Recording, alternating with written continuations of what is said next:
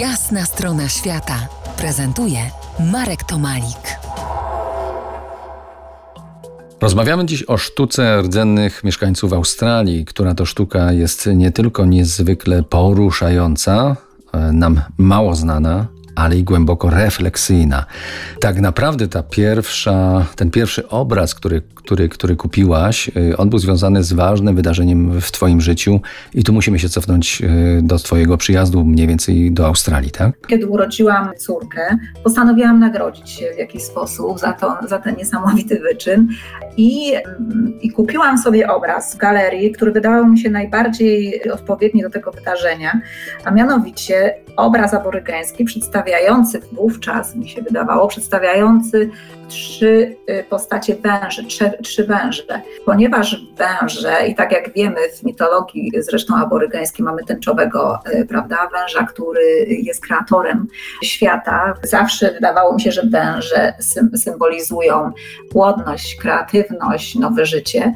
Był y, obraz namalowany przez Normana Davida, świetnego astrologa aborygeńskiego, który zresztą zasiada w komisji NASA.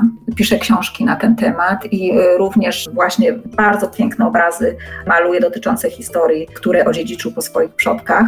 Ja ten obraz kupiłam z zupełnej niewiedzy wówczas, jeśli chodzi o to, jak ja powinnam czytać obraz, co on przedstawia. W ogóle tak praktycznie nie znałam e, historii cywilizacji aborygańskiej. Za krótko jeszcze żyłam w Australii. W związku z tym nie przeczytałam wówczas historii, story, które zawsze, kiedy kupuje się y, aborygański obraz, powinniśmy otrzymać od galernika, czy też osoby, która nam sprzedaje obraz. I tak minęło wiele, wiele lat, aż y, do tego roku, a konkretnie do kwietnia, kiedy zakupiłam y, kolekcję obrazów właśnie z myślą o wydarzeniu, o, o wystawie, która będzie miała teraz miejsce w październiku i na którą Państwa jeszcze raz serdecznie zapraszam. Postanowiłam, że ten obraz chciałabym również pokazać na tej wystawie. Wreszcie zerknęłam na story, które mój obraz, mój pierwszy obraz o trzech wężach i zdębiałam. Dlaczego zdębiałam? Ponieważ jest to historia o trzech nagrobkach, o trzech trumnach, które znajdują się trzy ciała zawinięte w korę e, papirusową, czy w korę eukaliptusa, dokładnie nie wiem jakiego drzewa. Pomyślałam sobie, że to jest niesamowite. Na, na narodziny dziecka kupiłam sobie obraz, który przedstawia śmierć w zasadzie i przedstawia zwłoki. Więc kiedy przeczytałam tą historię, siadłam na kanapie i pomyślałam, hmm, co aborygeni, co duch aborygenów, co ta cywilizacja chce mi powiedzieć przez ten obraz. I doszłam do wniosku, że chce mi powiedzieć coś bardzo mądrego, coś, y, co jest jakby kluczem ich całej cywilizacji i istnienia, a mianowicie tego, że nie ma czasu, że y, nie ma materialnych rzeczy na Ziemi, jest myśl, tylko jest duch.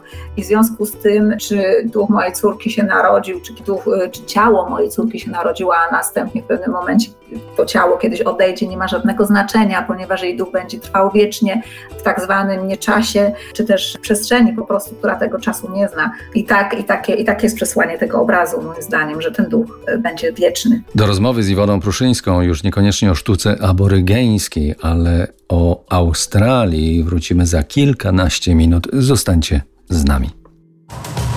To jest jasna strona świata w RMS Classic.